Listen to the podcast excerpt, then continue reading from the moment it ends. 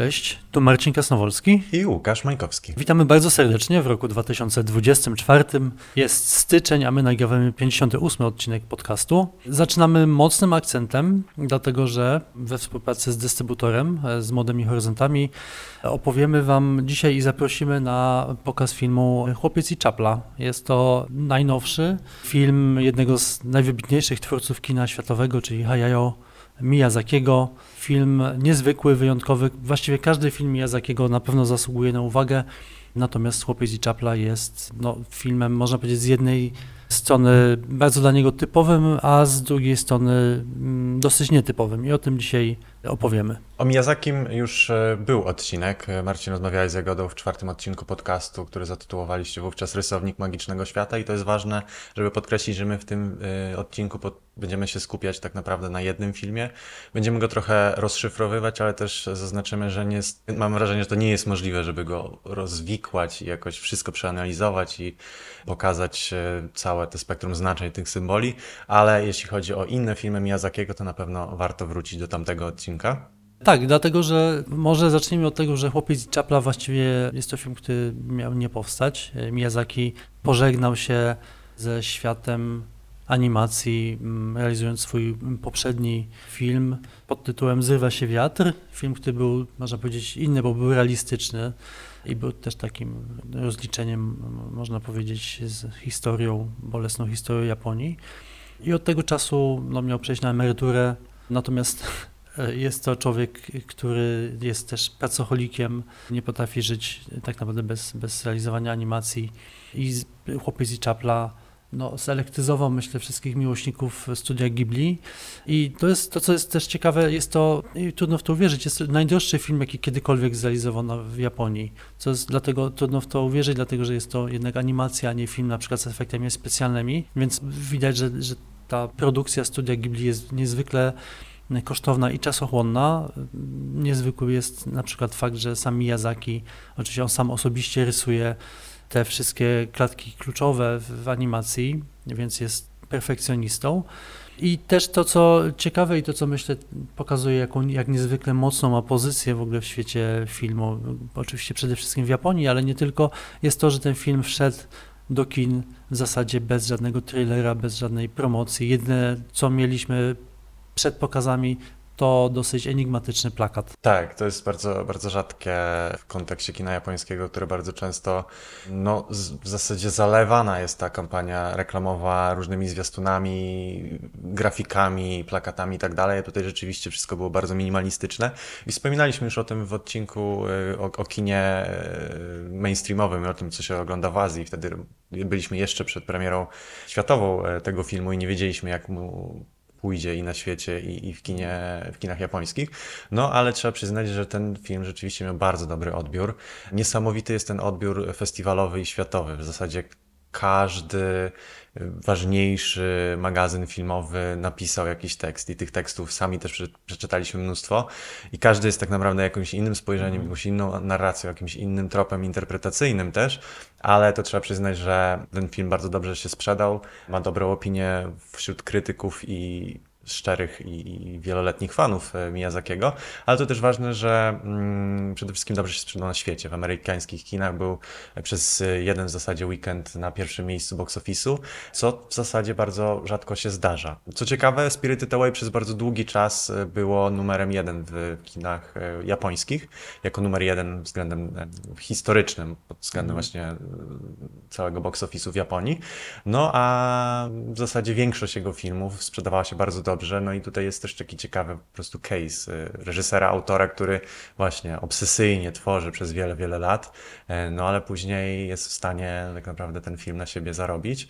I to też y, jest bardzo ciekawe, bo studio Ghibli w zasadzie powstało po to, no bo nikt inny nie byłby w stanie finansować tych filmów, więc musieli razem z Takahatą, innym reżyserem, ale też z Suzuki, który dalej jeszcze współpracuje z Miyazakim i który właśnie też był odpowiedzialny za tę dość oszczędną e, kampanię reklamową.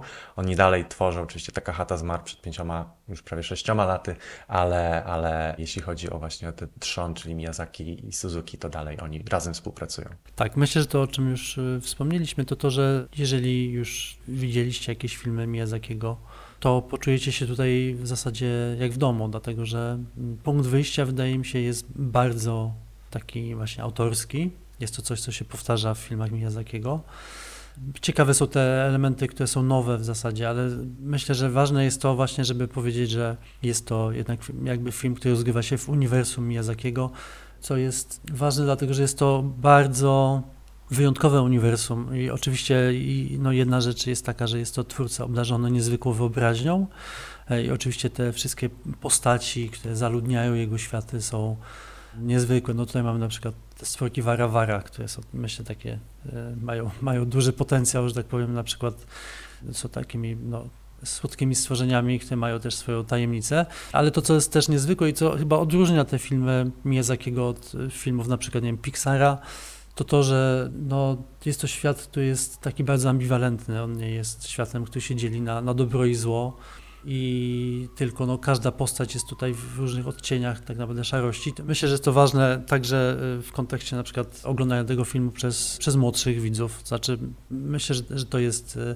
coś, y, to są filmy, które właśnie tak naprawdę każde też dziecko e, powinno oglądać, żeby żeby z taką ambiwalencją świata się właśnie no, zapoznać i spotkać. Jest to film, który jest bardzo piękny, to też trzeba powiedzieć. Jest to rzeczywiście niezwykła animacja, m, przepiękne obrazy, wspaniała muzyka stałego kompozytora e, Miyazakiego, czyli Joe Hisaishi i także tutaj te production values są na najwyższym poziomie. Jest to pójście na ten film do kina na pewno jest e, bardzo dobrym pomysłem, zachęcamy do tego.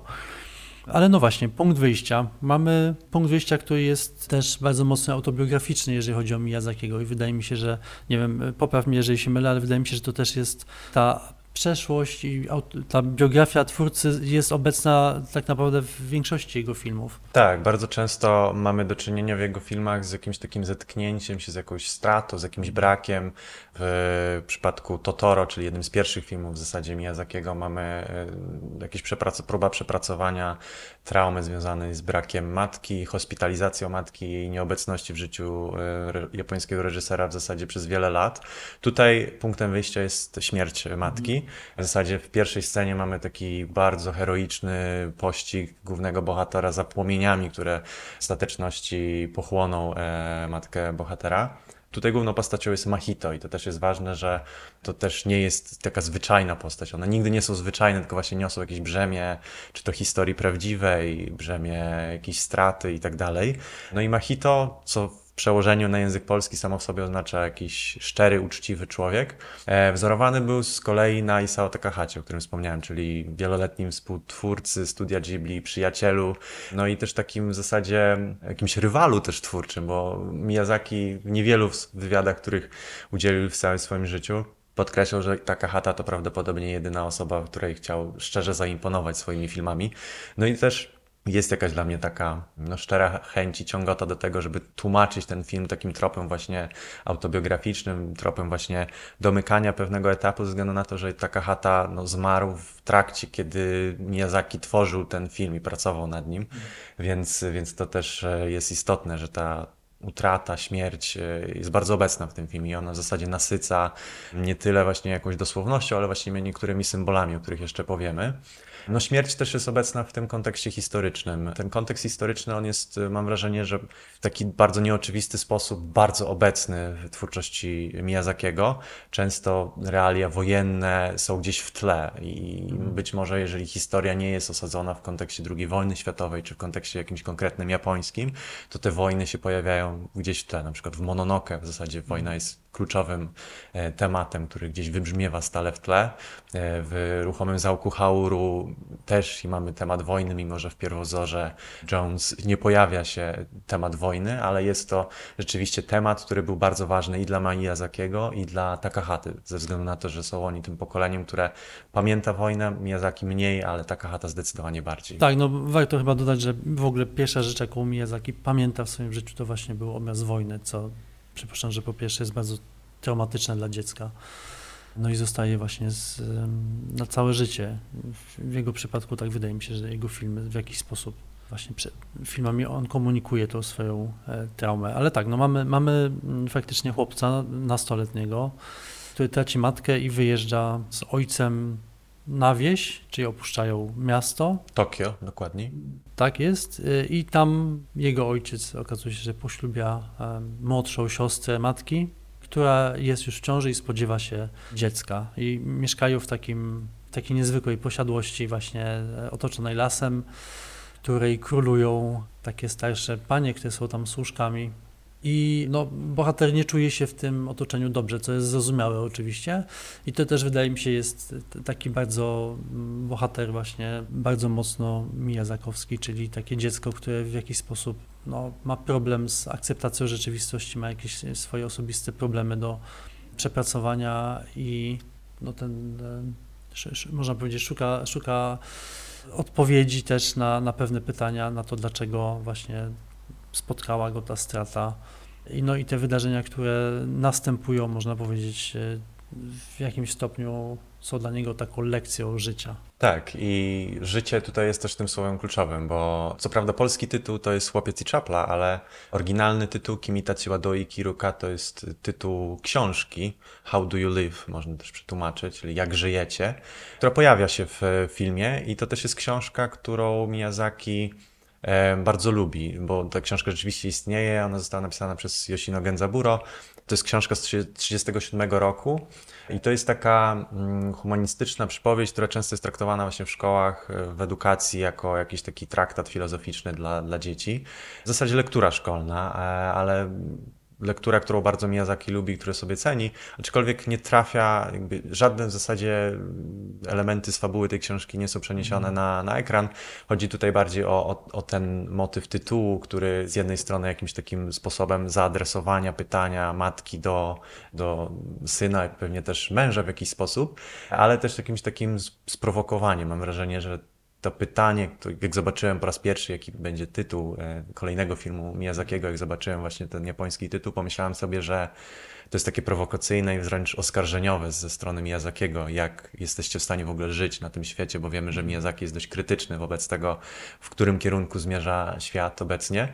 No i tak sobie pomyślałem, że to jest właśnie takie trochę oskarżeniowe, no ale tutaj zobaczyłem ten, ten film i tak sobie pomyślałem też, że to jest właśnie jak żyć w takim świecie naznaczony właśnie stratą, ale to też samo w sobie jest bardzo romantyczne, że tutaj matka zwraca się właśnie do trochę jakby z zagrobu do swojego, swojego syna. No i właśnie to samo w sobie łączy się z tym, że w tym filmie jest wiele takich płaszczyzn czasowych, płaszczyzn rzeczywistości, no i jednocześnie też mamy bardzo dużo płaszczyzn znaczeniowych i trochę sobie o tym porozmawiamy, ale tak jak wspomniałem wcześniej, nie będziemy w zasadzie wyjaśniać, o czym jest film, ale prawdopodobnie lepiej będzie posłuchać ten podcast, mam wrażenie, po obejrzeniu, bo będzie miało to więcej sensu sensu, ale podejrzewam, że będą też osoby, które będą chciały się czegoś dowiedzieć, może już przed samym seansem.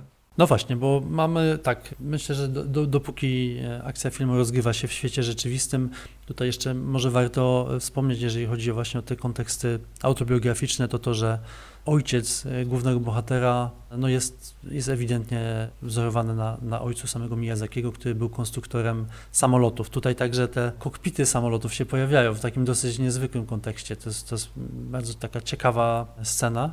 Natomiast bardzo szybko ta rzeczywistość, do niej zaczynają przedostawać się elementy świata, innego świata, świata fantastycznego. No i taką kluczową tutaj oczywiście postacią jest czapla, czapla szara, czyli ptak, który zaczyna, jak kiedy usłyszałem w ogóle też tytuł tego filmu, bo myślałem, że, że ta czapla będzie że to będzie przyjaciel tego głównego bohatera, że to będzie ptak, który będzie jakoś, nie wiem, jego przewodnikiem i tak dalej, natomiast nie do końca tak jest. Znaczy na samym początku wydaje się że jednak, że ta czapla jest złośliwa i, nie wiem, demoniczna wręcz. Tak, tak, jest takim trochę tricksterem i, i jest bardzo niejednoznaczna, przepełniona też jakąś tajemniczością i ja też miałem tak, że to mnie bardzo zaskoczyło i sobie pomyślałem się teraz, że może dlatego też nie było żadnego sneak peeku do tego filmu wcześniej, że ta kampania reklamowa by już coś zdradziła, a tu jest jakiś element zaskoczenia, no że rzeczywiście... Tak. Czy, czy, możesz powiedzieć właśnie, co konotuje czapla szara w, w Japonii. Tak, tak, tak. Czapla szara, czy też siwa, a w zasadzie niebieska tak naprawdę, bo aosagi oznacza kolor niebieski, ao, od aoi jest kolorem niebieskim. W japońskim folklorze czapla ma bardzo, bardzo bogate znaczenie. Nie tylko w japońskim zresztą, bo, bo, bo to na całym świecie czapla ma jakieś znaczenie, ale tutaj zdecydowanie jest najbliżej tych konotacji japońskich. No, przede wszystkim e, dwie rzeczy. E, jedna to, to taka, że czapla ma konotacje związane z takim przenikaniem pomiędzy żywiołami. Ze względu na to, że potrafi latać, e, stać i w zasadzie porusza się też po wodzie, no to są to żywioły ziemia, powietrze i woda. I, i, i to z kolei połączone jest y, szerzej i dalej, w już takim bardziej folklorze związanym już z wierzeniami i z, z wiarą w duchy, jest to, że czaple symbolizują pewnego rodzaju przejście też do innego świata, są takimi przewodnikami. I w zasadzie na jakimś płaszczyźnie to się zgadza też w filmie, bo ta czapla, ta niejednoznaczna i bardzo złośliwa na początku, wprowadza Machito do, do nowego świata, do pewnego jakiegoś tajemniczego miejsca, które charakteryzuje się jakąś magią i, i jakąś energią. Z kolei Same czaple siwe e, czy też szare bardzo dużo mają też znaczeń w, w literaturze, w malarstwie i w zasadzie od wielu, wielu dekad no, te czaple się pojawiają i, i bardzo e, dużo mają tych znaczeń. One funkcjonują w takim rodzaju, no nie wiem, ja lubię to określać takim mianem ornitologicznego folkloru, mm. który też jest bardzo mocno jakoś zakorzeniony w jakiejś takiej tradycji horroru i opowieści o, o duchach, więc Pierwsze jakieś takie swoje korzenie czaple można odnaleźć w Kodziki, czyli w zasadzie w pierwszej, najważniejszej, najważniejszym dziele literackim w Japonii. To jest taka w sumie mitologia japońska, w którym opisana jest geneza wszechświata i początki kultury japońskiej. I tam jeden z, jedna z postaci umiera, to pewien książę, który zmienia się w białego ptaka i w domyśle macie to właśnie czapla siwa. I tam jest bardzo dużo w ogóle tego, że czaple czy w ogóle ptaki są często kojarzone ze śmiercią. Być może ze wszystkich zwierząt to właśnie ptaki najbardziej uosabiają ten element śmierci w kulturze japońskiej. Są kojarzone też z pogrzebami, z rytuałami śmierci. No i to jest też nie bez przypadku w kontekście filmu Miyazakiego, bo tutaj mamy tak naprawdę całe uniwersum ptaków. Poza kodziki mamy też ukiyo, czyli drzeworytnictwo i, i malarstwo, w którym też właśnie mamy jakąś wizję upływającego świata, przemijającego świata i tam e, na przykład czaple pojawiają się jako posłańcy bogów, symbolizują właśnie w pewien sposób jakąś przejściowość, przemianę, przejściowość pomiędzy światami, ale też jakąś czystość, że to są najczystsze z ptaków.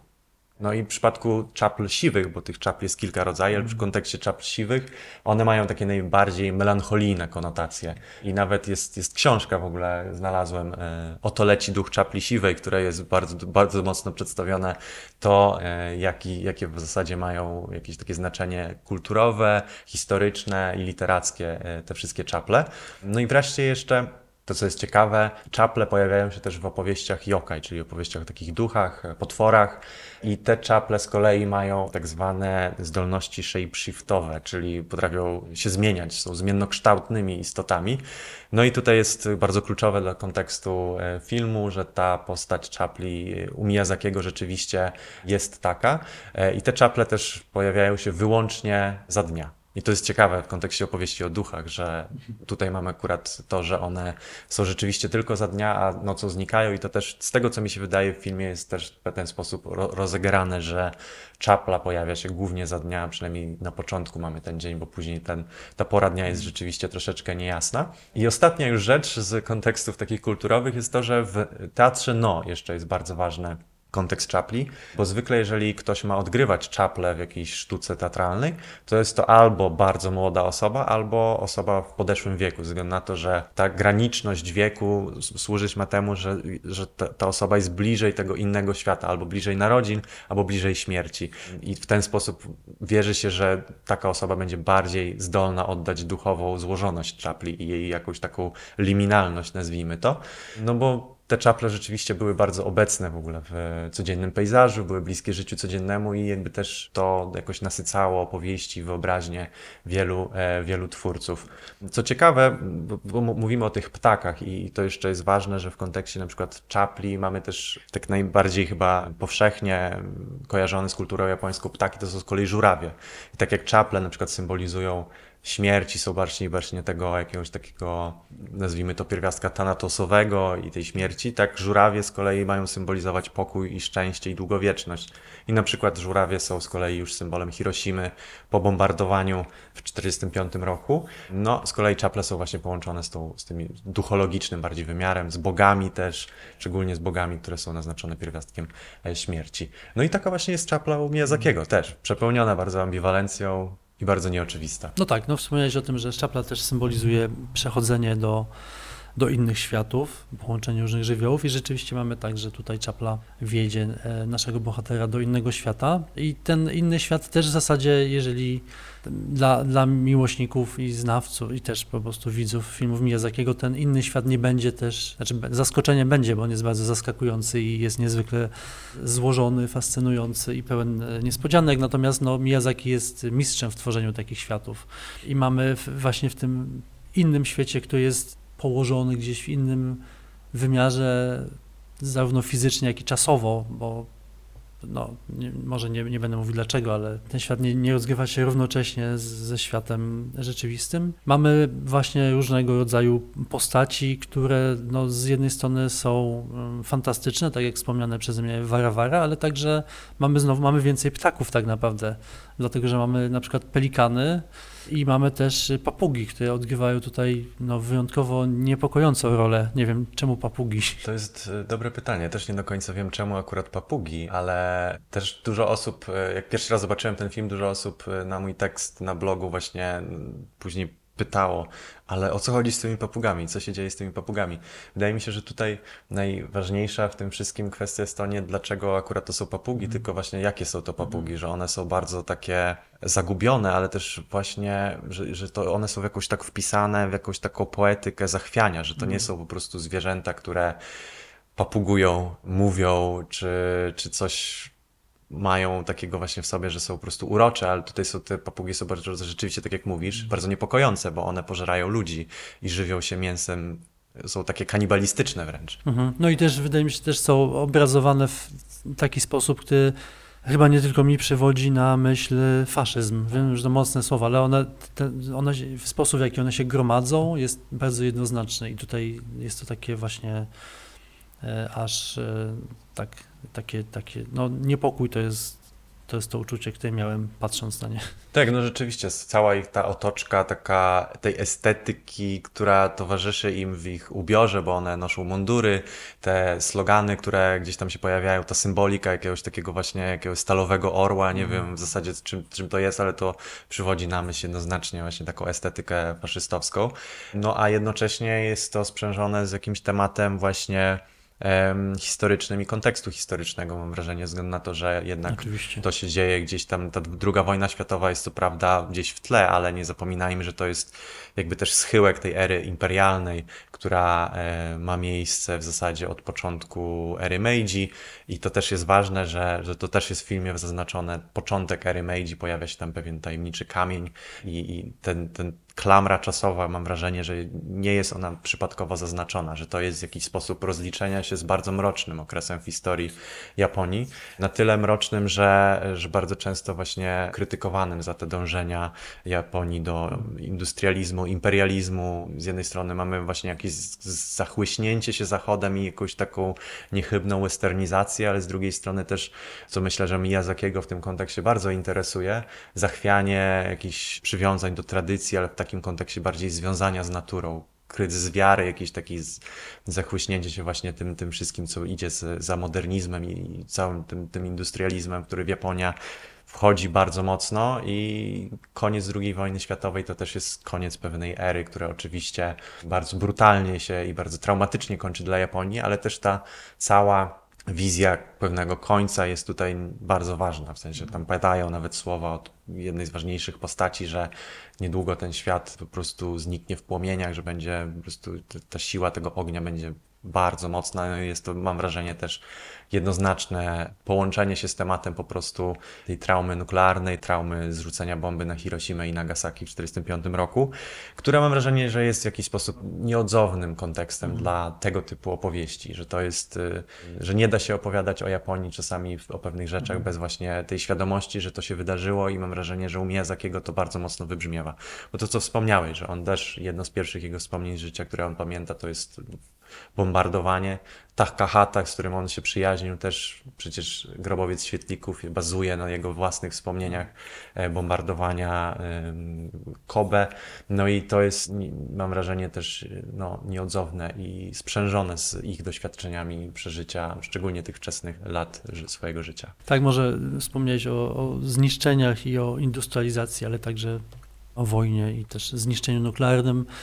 Może w tym filmie to jest mniej widoczne, chociaż wydaje mi się, że te, ten temat jest też obecny, że Miyazaki tak naprawdę jest bardzo preekologicznym twórcą. I to jest widoczne w jego poprzednich filmach, ale on się bardzo jawnie opowiada za, za naturą, za, za harmonią i pokazuje, że właśnie naruszenie tego balansu takich naturalnych procesów, które są tak naprawdę większe niż, niż my jesteśmy w stanie je pojąć, że, że no to się dzieje w świecie, że motorem jakby tych zmian są ludzie zazwyczaj i jest to proces, który jest jednoznacznie negatywny. I tutaj, tak jak mówię, może tutaj nie ma e, pokazanego niszczenia świata natury tak otwarcie, natomiast na pewno mamy tutaj obawy o koniec istnienia w ogóle świata. I tutaj e, przechodzimy może do, do tematu, który jest o tyle bardzo ciekawy, że pojawia się może nawet jeżeli nie po raz pierwszy w twórczości Miyazakiego, to po raz pierwszy jest tak mocno zaznaczony i jest w zasadzie no, bez niego nie zrozumiemy tak naprawdę tego filmu, czyli te motywy autotematyczne, motywy tworzenia, tworzenia świata, ale oczywiście też tworzenia sztuki, bo tutaj w tym filmie to wszystko się łączy ze sobą, więc no, pojawia się postać ciotecznego dziadka bohatera, jakby to nie brzmiało słabo, no jest to, dla mnie to, ta, ta postać to jest architekt świata, jest to starszy mężczyzna, który żyje właśnie w tym gdzieś innym świecie, jest, y, można powiedzieć,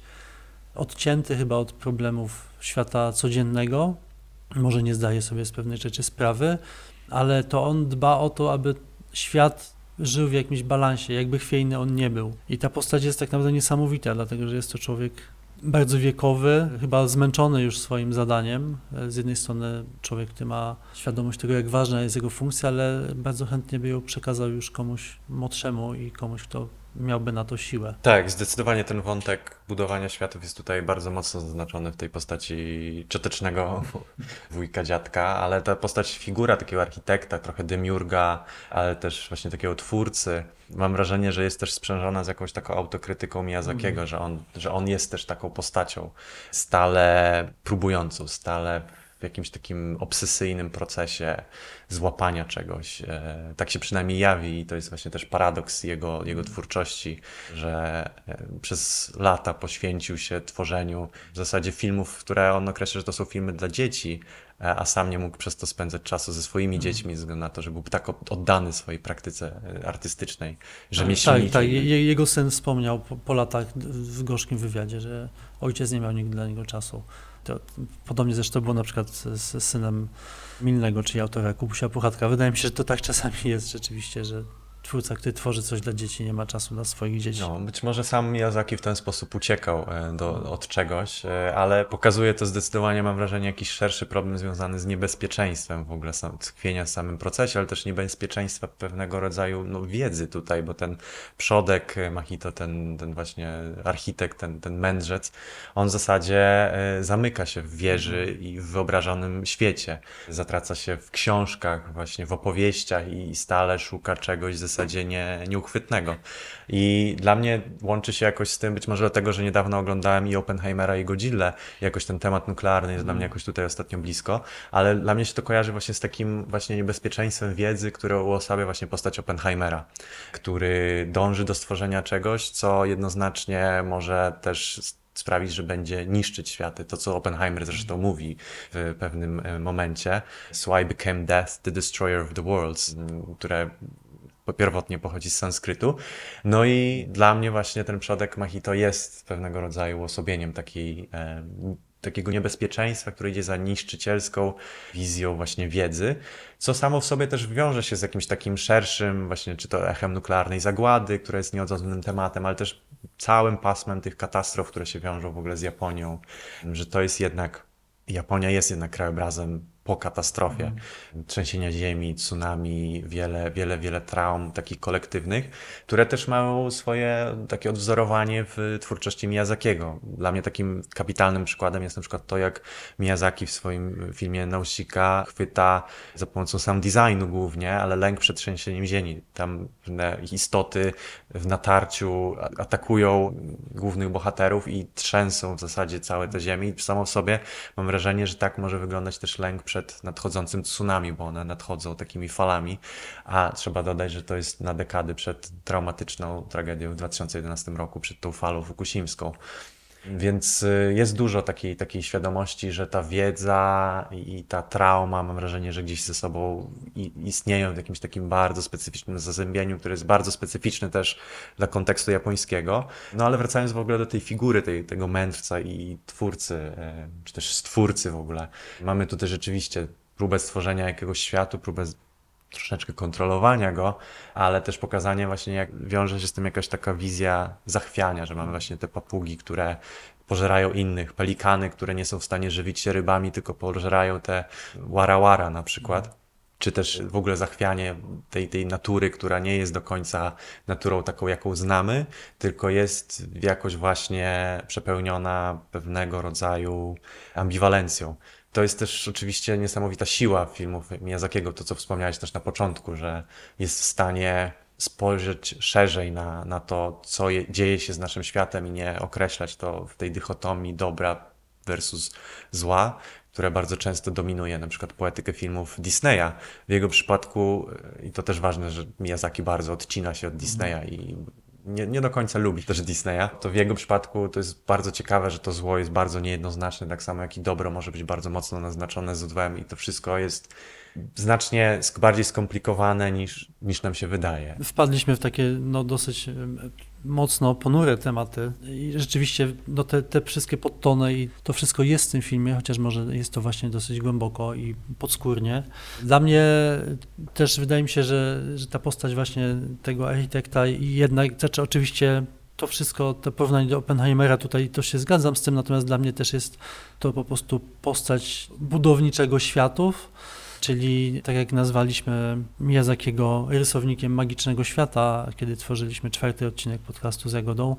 E, tutaj widać, że, że ta postać tworzy światy, ale też zatraca się i też tak naprawdę nie do końca rozumie te światy. I to jest to, co ciekawe, po paru latach tworzenia chłopca i Chaplin Miyazaki powiedział, że on już sam nie wie w ogóle, co chciał powiedzieć przed tym filmem. I to, to jest dosyć e, znamienne i wydaje mi się, że to też jest jakaś pewna krytyka. Myślę, że autokrytyka. Myślę, że bardzo dużo odbiorców jego filmów ma poczucie, że, że mają do czynienia z kimś, kto tworzy filmy, które mają jakieś jedno bardzo konkretne znaczenie, które trzeba właśnie gdzieś wykopać e, spod warstw właśnie obrazów i też wydarzeń. Może nie do końca tak jest, może tutaj właśnie mm, Chłopiec i Czapla i poprzednie filmy Miyazakiego są filmami, które oczywiście mają bardzo dużo znaczeń, tak jak wspomniałeś, przeczytaliśmy naprawdę dużo artykułów, pojawiło się w sieci bardzo dużo analiz tego filmu, pisanych przez bardzo zdolnych krytyków. I te analizy są bardzo, bardzo różne, każdy odnajduje różne tematy, różne też warstwy znaczeniowe, albo odnoszące się do historii, albo właśnie bardziej do mitologii, to jest, to jest niezwykłe. Także jakby chciałbym zapewnić, że tutaj jest to dosyć e, chyba pesymistyczny film, natomiast niesie pewną nadzieję i myślę, że tą nadzieją jest to, że właśnie strata jest czymś, co możemy przepracować, z czym możemy się pogodzić, co możemy zrozumieć i co jest jakby naturalną częścią naszego świata.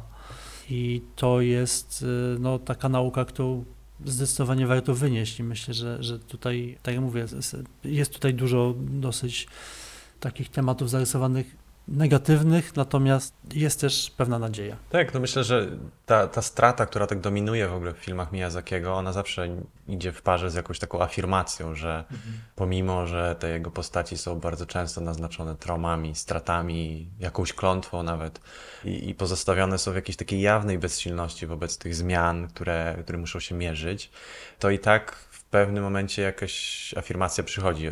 Sobie przed dosłownie wczoraj powtórzyłem Ruchomy Zamek Hauru i tam mamy postać Sofii, która nagle staje na nią rzucona klątwa i staje się z młodej dziewczyny, staje się babcią.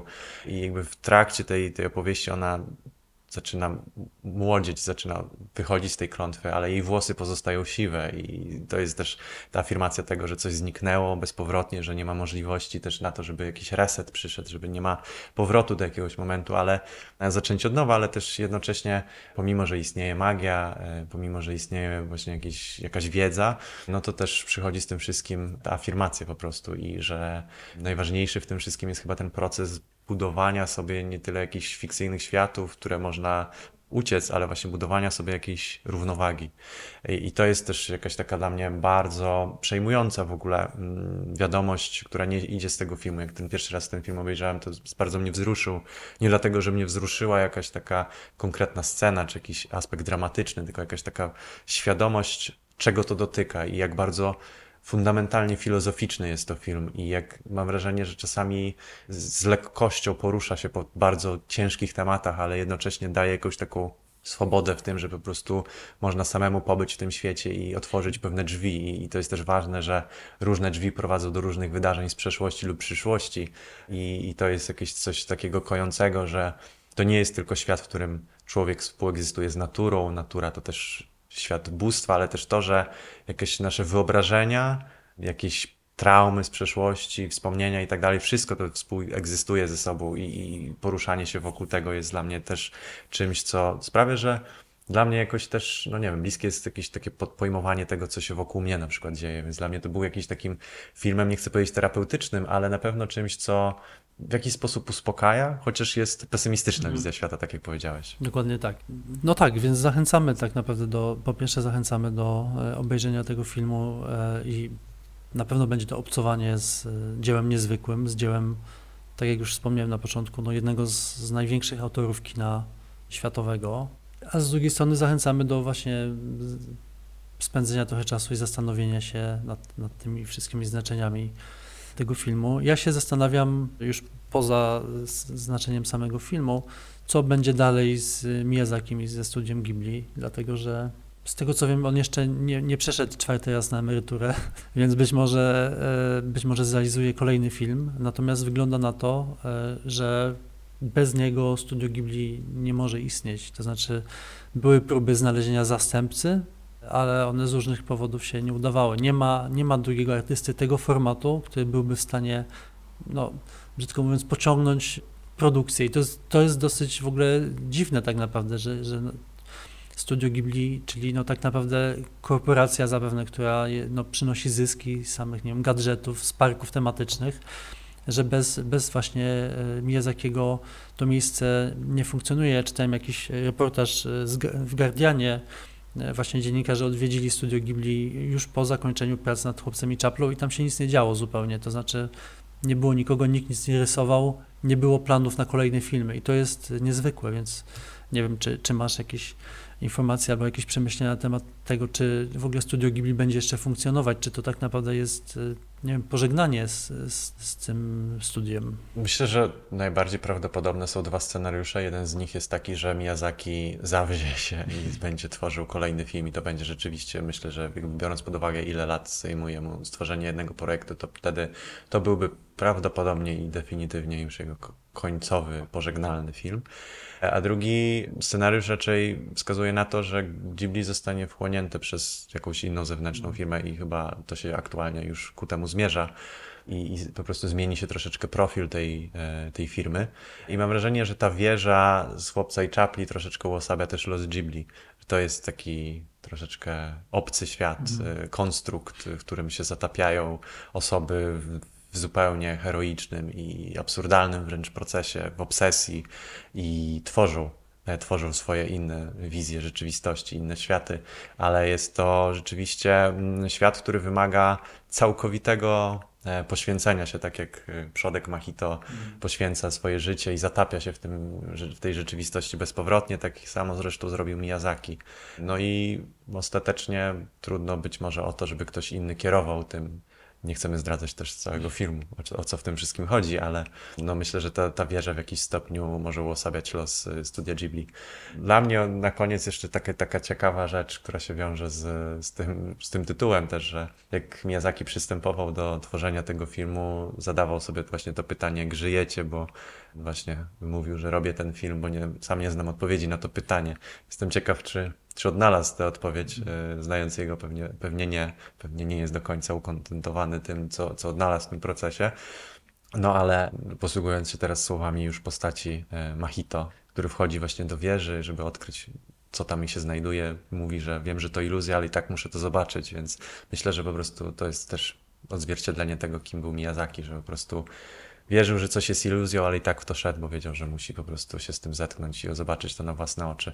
No niestety obawiam się, że, że studio Ghibli nie znajdzie następcy Miyazakiego i że po prostu zmieni się profil tej wspaniałej inicjatywy, która no, przez te kilka dekad mogła nas raczyć wspaniałymi, wspaniałymi filmami. Mam nadzieję, że się mylisz, ale zobaczymy. Bardzo dziękuję, Łukasz, za rozmowę. Zachęcamy naprawdę do zobaczenia tego filmu na dużym ekranie. Jest to rzadka okazja, żeby zobaczyć e, mistrzowskie dzieło japońskiego anime na, no, w kinach w, w Polsce. Nawet na IMAXie. O, nawet na IMAXie, więc zachęcamy tym bardziej i e, zapraszamy do słuchania kolejnych odcinków podcastu. Następny już w lutym. Dziękuję. Dzięki.